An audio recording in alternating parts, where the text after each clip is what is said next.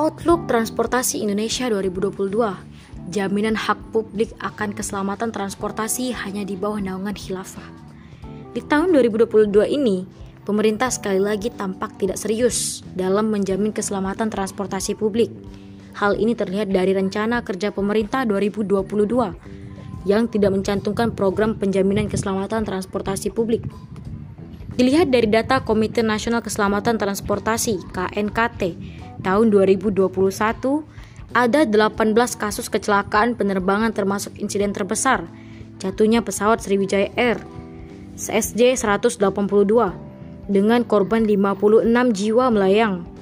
Kecelakaan kapal penangkap ikan di Indonesia sepanjang 2021 mencapai 342 jiwa. Pada moda kereta api, terdapat 5 kasus dengan kategori kecelakaan, 3 terguling dan 2 tabrakan. Dengan banyaknya kasus kecelakaan transportasi, penjaminan keamanan transportasi justru diserahkan kepada operator atau perusahaan. Hal ini karena model tata kelola mengikuti konsep good governance di mana pemerintah hanya sebatas regulator kepentingan swasta. Padahal operator yang berbasis bisnis tentu hanya fokus mencari keuntungan, bukan untuk menjamin keselamatan transportasi publik. Solusinya adalah mengembalikan sistem hidup ke sistem khilafah yang akan mengelola transportasi publik berdasar syariat Islam.